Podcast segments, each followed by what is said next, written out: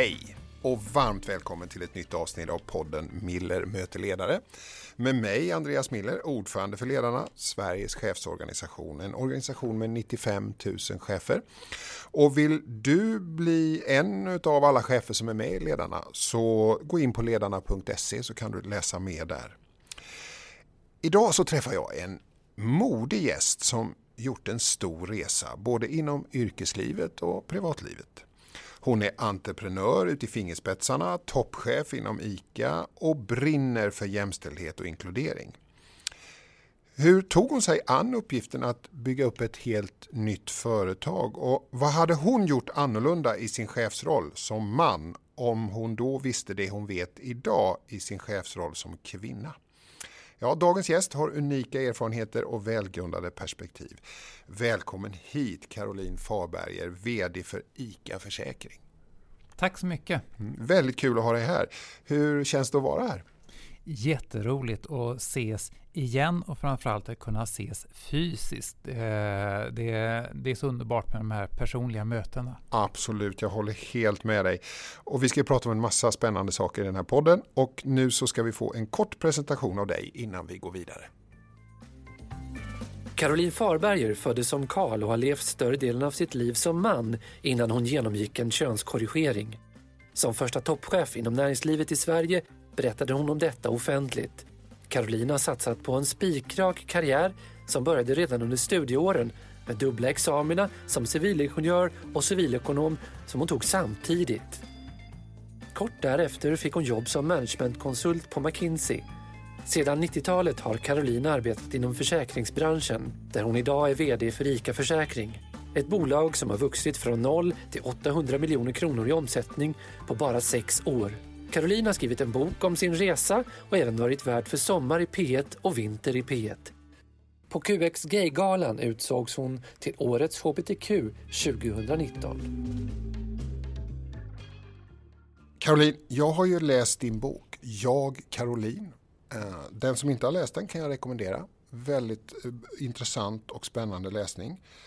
Eh, Henrietta Westman som du har gjort den där boken ihop med, hon, hon skriver i förordet att eh, hon beskriver dig som en person som går all in. Eh, är det en bra beskrivning för dig? Ja, det kan det nog vara. Hon eh, fångade rätt. Jag ogillar halvmesyrer. Ja. Var kommer det ifrån? Det kommer nog av en vilja av att lyckas. Det spelar ingen roll om det är nytt eh, jobb, jobb, nytt hobbyprojekt eller, eh, nytt, eller studier tidigare i livet. Eh, Börjar jag på någonting då vill jag verkligen lyckas, annars så får det vara. Mm, mm. Har du någon förebild? Sådär? Fanns det någon i din uppväxt som hade det där beteendet som du liksom såg? Eller? Ja, inte direkt så i nära släkten, eh, utan det var, jag har nog bara drivits utav att jag vill på något sätt eh, göra skillnad och eh, verkligen bli bra på det jag ger mig i kast med. Ja.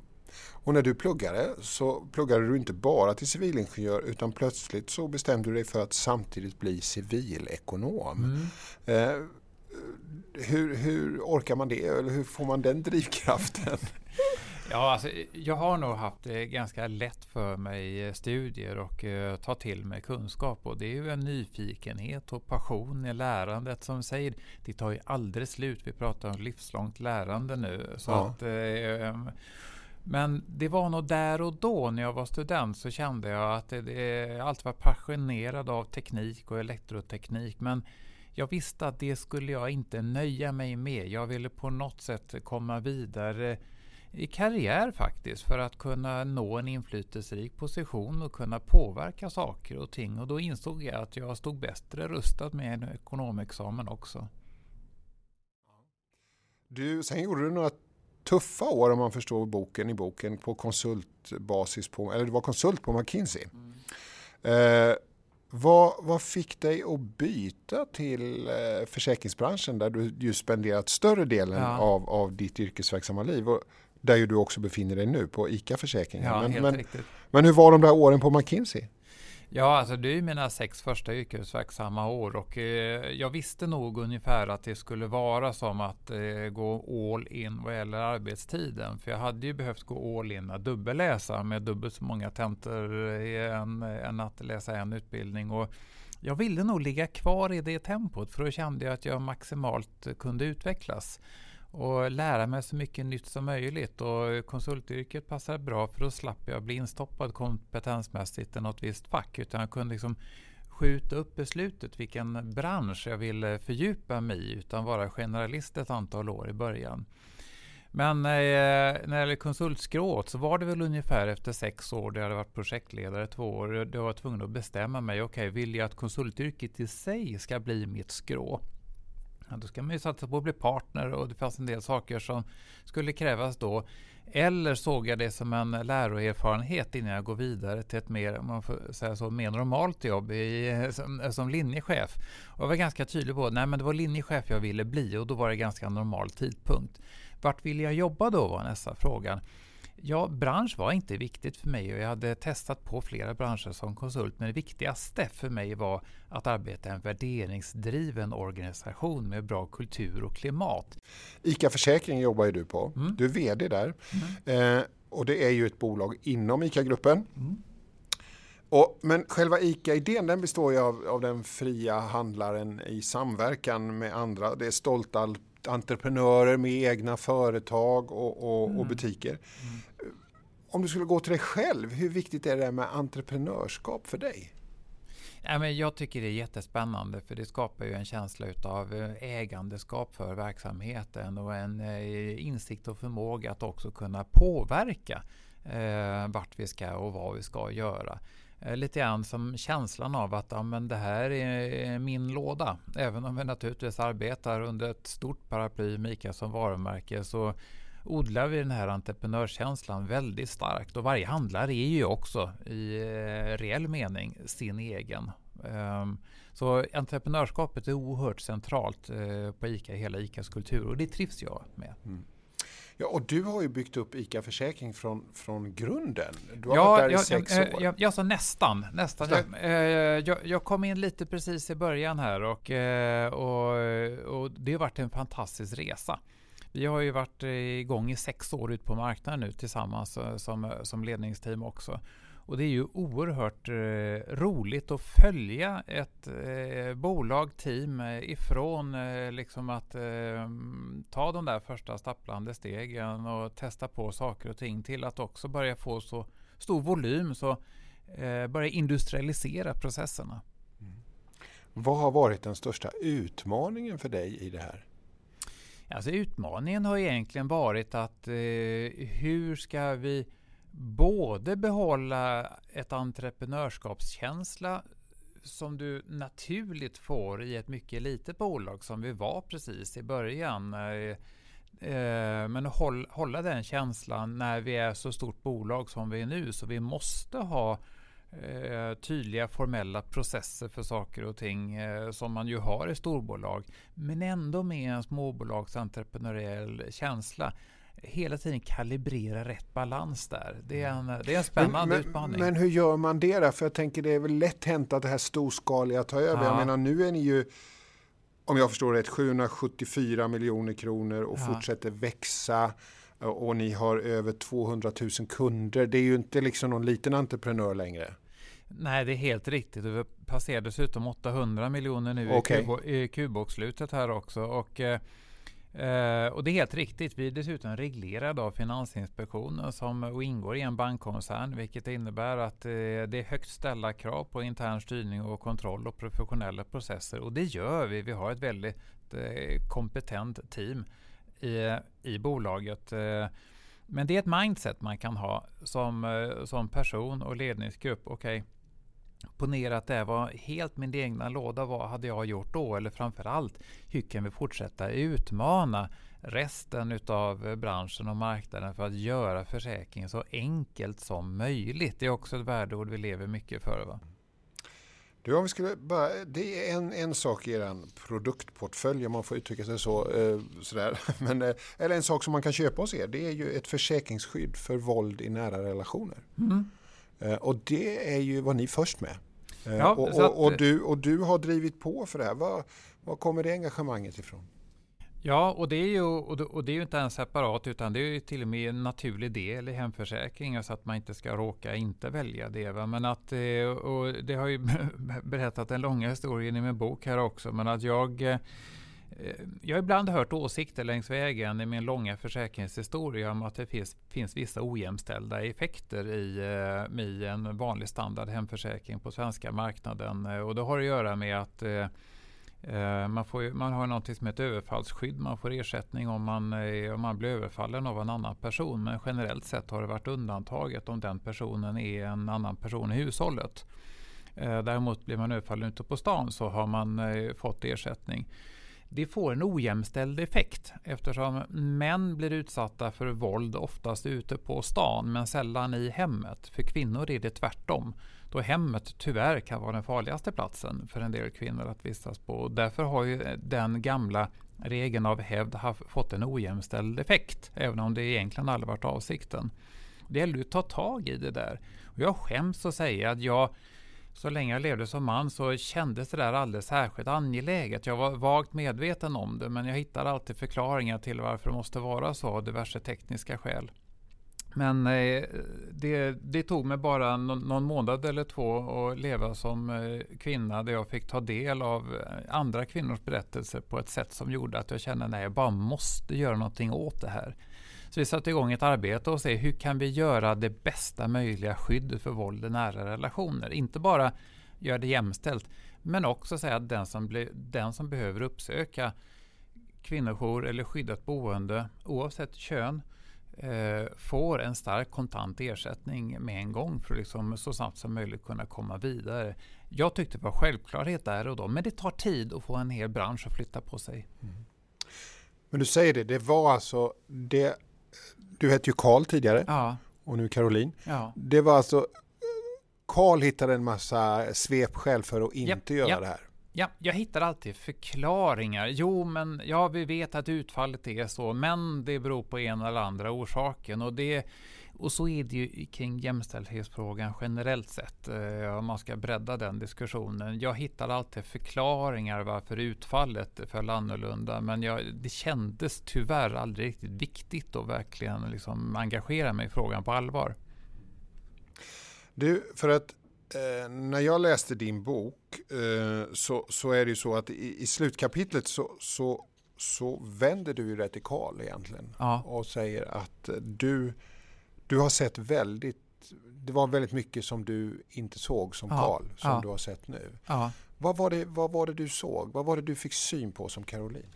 Ja, alltså jag skulle vilja gå tillbaka till min gamla jobb och banka en stekpanna i huvudet på mig liksom och säga, men fattar du inte? Och, eh, Därför jag har haft så många diskussioner med andra kvinnor, inte minst min fru som har varit eh, fackligt engagerad tidigare. Där vi tittar på skillnad i utfall på olika parametrar. Det kunde vara, eh, det kunde vara lönenivåer, det kunde vara andelen kvinnor på olika organisatoriska nivåer. Där jag hela tiden hamnar i försvarsställning. Jo, men det beror ju på att X, Y, Z. Vi måste ju ändå gå på kompetensen i första hand. Eller Ja, men det, det, det, är väl ändå en eh, fritt val av kvinnor att inte arbeta lika eh, eh, mycket eller söka positionen eller välja att ha en eh, stor del av föräldraledigheten. Och då blir det ju naturliga konsekvenser av det. Så vad är problemet?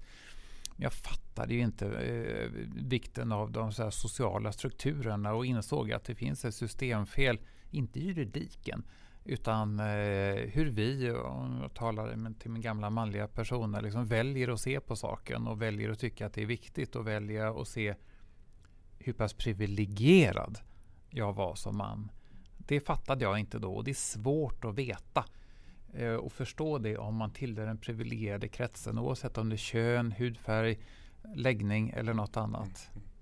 Du har ju blivit väldigt uppmärksammad eh, för din privata resa får man ju mm. säga. Mm. Eh, från Karl till Caroline. Mm. Eh, du har blivit en förebild för väldigt många människor.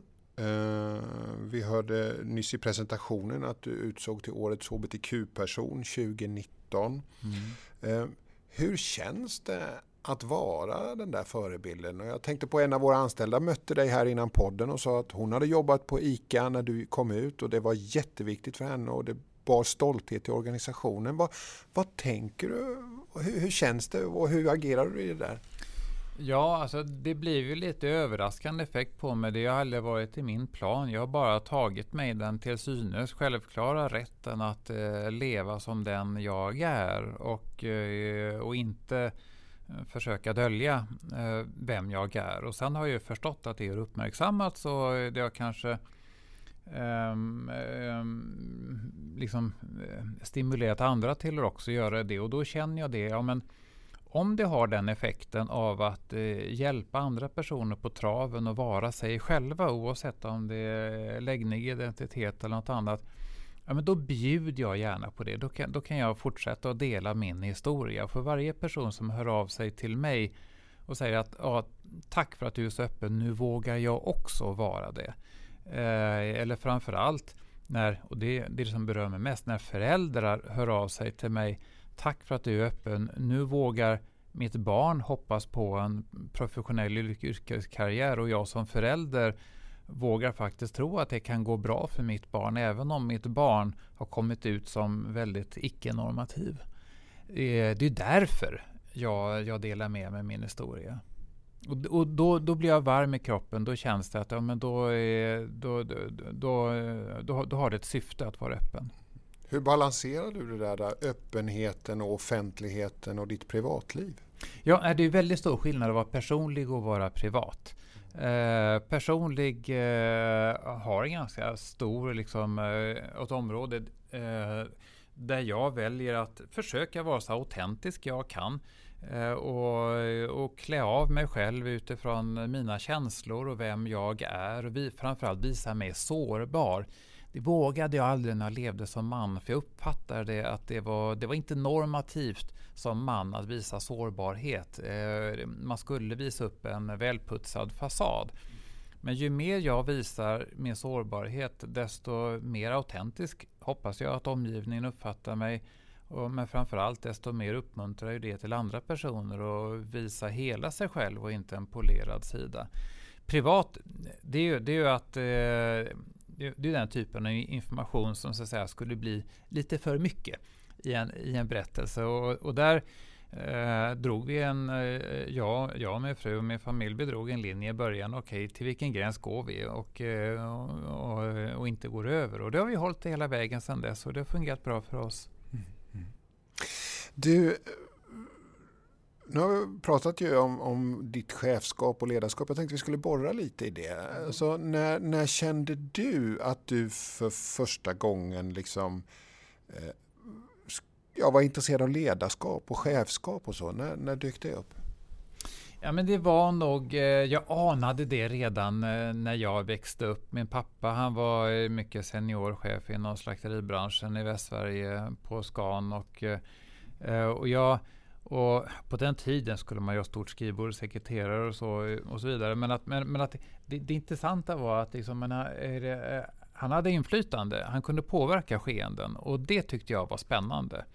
Och normalt sett är det ju förknippat också med, med chefskap. Eh, att man också kan påverka skeenden. Så fungerar det oftast, inte alltid men oftast.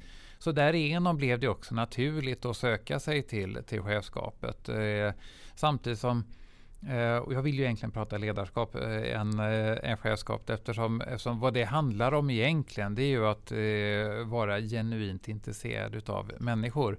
Och, eh, för att det är en sak att fatta affärsmässiga beslut utifrån ett underlag och lite Excel-tabeller. Det är en helt annan sak hur, hur får en organisation att eh, tycka att eh, det är spännande att gå till jobbet och vilja lyfta nästa. Så att jag tror att jag började min karriär med en ganska liksom klassisk eh, chefssyn eh, på saker och ting. Men har ju insett längs vägen att eh, det här handlar om ledarskap, det här handlar om människor.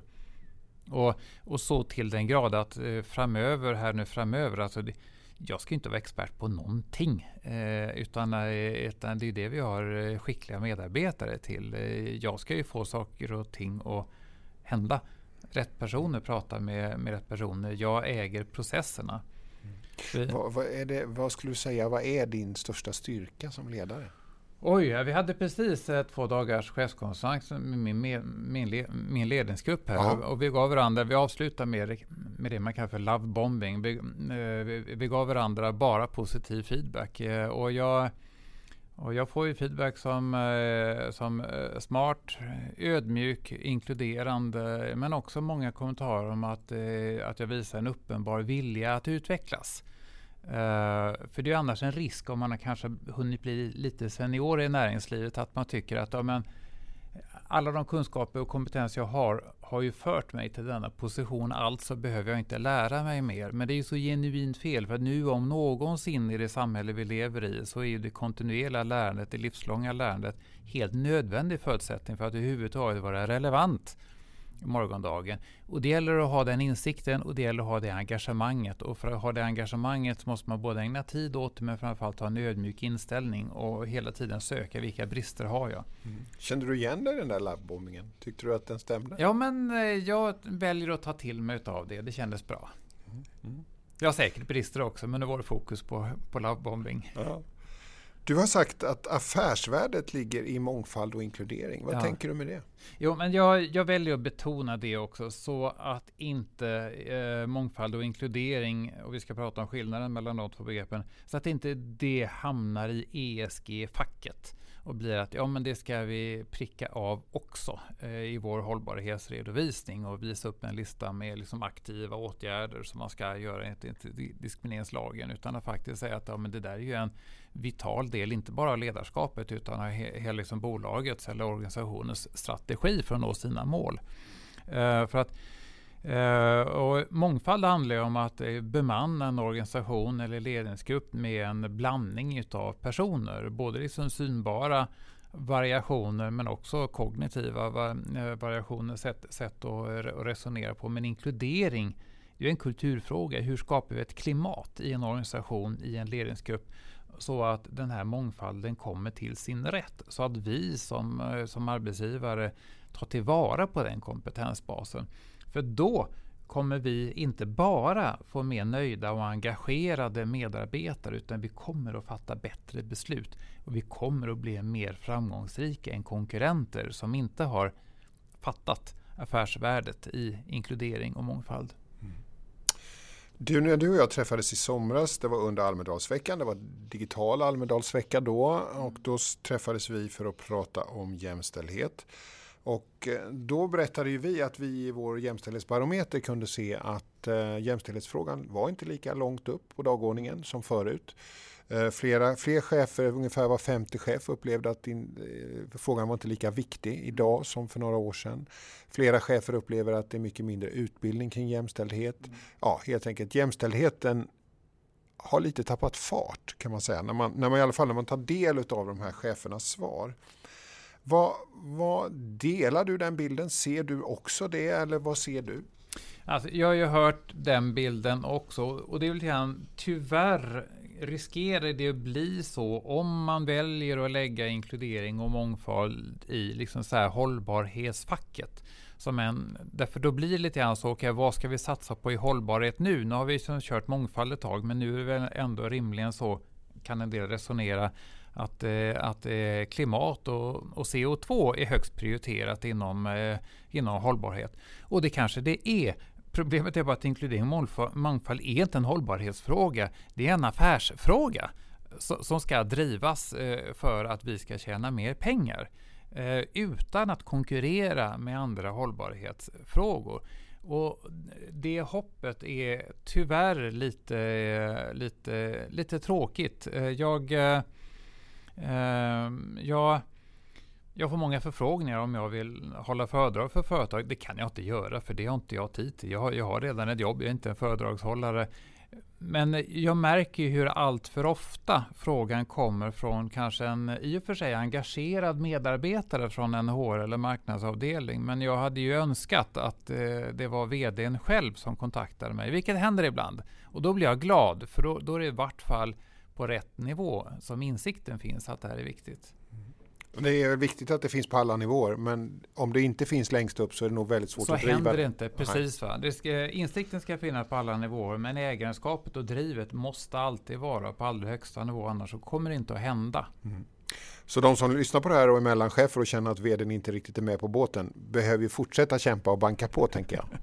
ja, jo, nej, alltså jag kommer ihåg det var för två år sedan jag blev kontaktad av en eh, mycket senior divisionschef, en manlig sådan i en svensk bank och eh, så att, eh, och han sa till mig att jag förstår inte riktigt det här men jag vill gärna lära mig. Så bjöd in mig på en frukost i direktionsmatsalen och eh, frågade men vad roligt att eh, du, eh, du bjöd in mig. Hur, hur kom det sig att du kontaktade mig?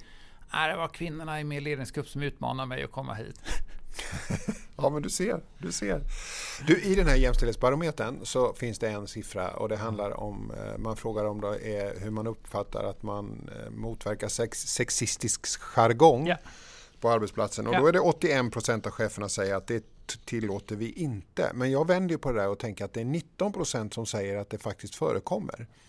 Eh, vad tänker du om det där och, och, och, och, hur ska man som chef agera, tänker du? Ja, men det, det är jättejobbigt och det finns ju många så att säga, modeller, frameworks för det här. Man kallar det liksom våldspyramiden eh, och annat. Eh, och det är ju det att eh, en, en, en riktigt dålig kultur börjar oftast vid att eh, kommentarer som är så att säga över gränsen inte bemöts utan de får yttras oemotsagda. För har du väl det etablerat sig då blir det lätt hänt att eh, man når sig nästa nivå. Att eh, det börjar komma liksom, skamfyllda förslag eller, eller direkta eh, trakasserier.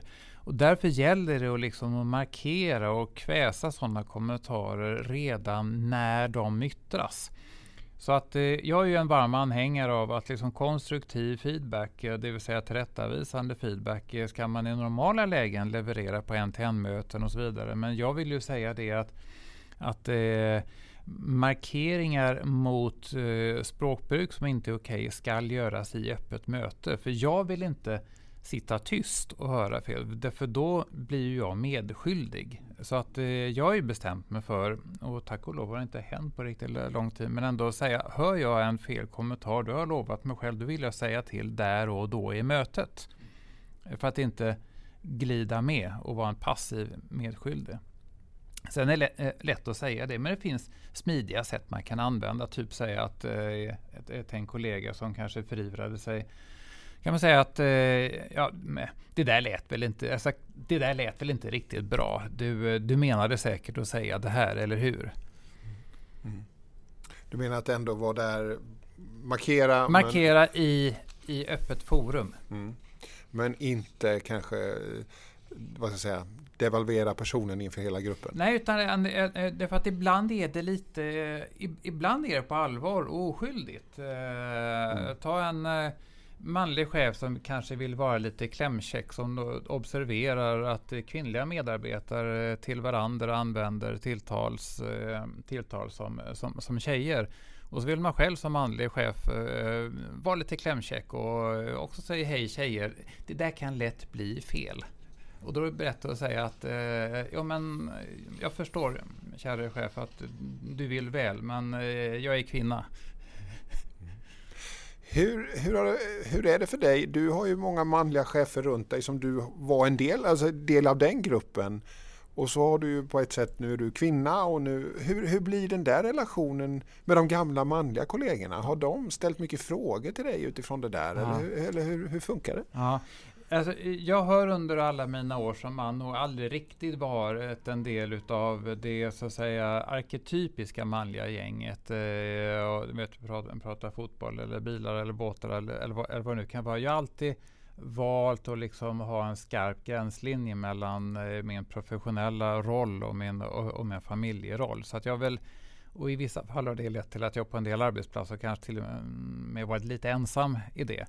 Eh, men det är klart att eh, det, är ju, det har ju varit en resa för alla kollegor runt omkring mig, min, min transition. Och för många manliga kollegor så blir det ju lite grann kanske en, en så här, nyfiket eh, frågande, eh, ibland trevande eh, och, och har nog säkerligen skapat många funderingar mm. hos dem. Mm. Men du, kan du ge dem feedback på deras ledarskap, tänker jag, på ett helt annat sätt? Eh, jag har nog inte tänkt att jag, eh, att jag ge, ger feedback på ett annat sätt. Men det är klart att jag ser mer saker än vad jag gjorde tidigare. Eh, för att nu vill jag våga nog påstå att jag har en högre förståelse hur en del uttryckssätt kan påverka andra personer, då i synnerhet kvinnor. Både för att jag dels har trätt in i rollen själv, men framförallt jag tar del av historier från många andra kvinnliga kollegor. Mm. Eh, Caroline, eh, vi har pratat om balansen på olika sätt, men något som vi pratar ganska mycket om på, på ledarna är ju att som chef är det viktigt att hitta ett hållbart ledarskap, det vill säga att man har en balans mellan ja. arbete och fritid och sådär. Ja. Hur, hur, jobbar du med den där balansen och hitta liksom ett um, mm. lagom mycket jobb? Eller, ja. eller är du kvar i din McKinsey-motor? Nej, nej, nej, nej, men tack och lov, eh, tack och lov eh, har jag lämnat det bakom mig. Men det har ju varit en gradvis resa. Eh, jag, jag skäms ju när jag kommer ihåg hur jag själv som man, och jag var ju en bit i karriären då när våra, min och min frus tvillingar föddes för snart 16 år sedan. Och hon var ju, hade också en bra yrkesposition eh, och där jag tyckte att min karriär var så viktig så jag behöver fortsätta ut och eh, liksom jobba hårt. Och, eh, jag hade ett jobb som krävde min halva med tid i Köpenhamn och jag vill liksom visa mig framfötterna och spendera extra många dagar ifrån hemmet. Och såg det som ett egensyfte, både för att liksom på något sätt försvara min position men också maximera karriären på något sätt. Uh, uh, det kanske ålderns mognad som har kommit fram till att, eh, att jag jag att hemmet är ju en plats för mig att hämta energi. Och det är det som är det riktiga livet. Att engagera mig i mina barns eh, studier, se till att de får en bra start. Det är det som är viktigt på allvar. Sen så vill jag ha ett roligt och stimulerande jobb. Men det kommer alltid liksom gå till en viss gräns. Det har sin plats i tillvaron. Det får inte bli för mycket över tid. Eh, så när det är mycket på jobbet, då gäller det liksom att fundera, okej, okay, vad av alla de här sakerna är viktiga? Vilka saker behöver inte jag engagera mig i? Jag har kanske kompetenta kollegor, vilket jag vet att jag har, som kan ta den här frågan bättre. Eh, och var går min gräns? Ta ansvar för mig själv. Det är ju, självledarskap är ju en, en eh, viktig sak som vi pratar mycket nu för tiden. Är det också något som du liksom prata med dina chefer om? Ja, det, det är viktigt eh, oss, oss som arbetsgivare. Mm. Eh, så att eh, det, det, alltså HR hjälper ju oss med utbildningar på det här, på det här också. Men när jag har en-till-en-samtal med personer i min ledningsgrupp jag börjar alltid att prata om det personliga måendet och balansen i livet och jag släpper inte den punkten förrän jag personligen har förvissat mig om att eh, jag är nöjd med vad den personen är. Inte för att ha ställt frågan utan jag, jag vill själv känna mig trygg i att det är balans. Sen diskuterar vi resultatet på arbetet och KPI och eh, alla sådana saker.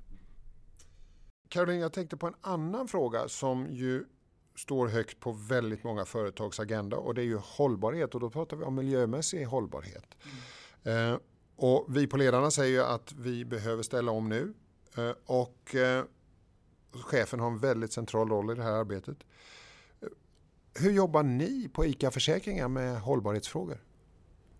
Ja, det är ju jätteviktigt och, eh, och framförallt så är ju vi en del av det stora ICA-gruppen också. Och, eh, och där är jag ju väldigt eh, ja, stolt över att vara en del av det arbetet. Vi har ju redan blivit klimatneutrala 2020, det vill säga vi har klimatkompenserande åtgärder för det avtryck vi har. Vårt nästa mål är att vara netto noll utsläpp 2030. Och det är jätteroligt nu i november så är det den stora klimatkonferensen i Glasgow. Och ICA kommer att vara ett utav elva privata aktörer som får ta emot ett pris, Global Climate Action Award, för arbetet bortom klimatneutralitet. Och det visar att vi, vi arbetar inte bara med oss som organisation utan vi, vi, vi, det är stark påverkan både i konsumentledet och i leverantörsledet. För det, det är ju där man får inte bara begränsa sig till den egna organisationen. Man får ju ta ansvar för hela värdekedjan. Det, det är det som är vår ambition. Är det där också, tänker jag, eh, viktigt för affären för att nå kunderna? För att kunna så att säga, säga att vi jobbar faktiskt med hållbarhet på riktigt? Ja, både, både för att det är smart att göra och för att det är viktigt att göra för samhället. Sen tror jag också Eh, att fler och fler kunder förväntar sig att de aktörer man köper varor och tjänster för arbetar för det här och kommer i ökad utsträckning att välja leverantör av varor och tjänster utifrån hur man arbetar med klimatfrågor. Alltid lika roligt att prata med dig, tycker jag. Eh, och nu eh, har vi kommit till en punkt där den här podden ska runda av för den här gången. Men, men jag tänkte så här, nu var du inne på din ledningsgrupp och du har en till en samtal med dem och sådär. Men om man, om man lyssnar på dig nu då och lyssnar i den här podden och så skulle du kunna, vad är ditt bästa råd för att få den bästa mixen i en ledningsgrupp? Vad, vad ska man tänka på då? Nej, men det är ju våga se värdet av olikheter och se det som eh, inte en ESG-fråga utan som ett eh, verktyg, redskap för att du som chef ska bli framgångsrik. Caroline Farberger, VD på ICA Försäkring. Himla kul att ha dig här. Jätteroligt att vara här. Mm. Tack för att du kom till podden Miller möter ledare. Och tack till dig som lyssnade. Eh, snart kommer det ett nytt avsnitt av podden där poddar finns. Tack för idag.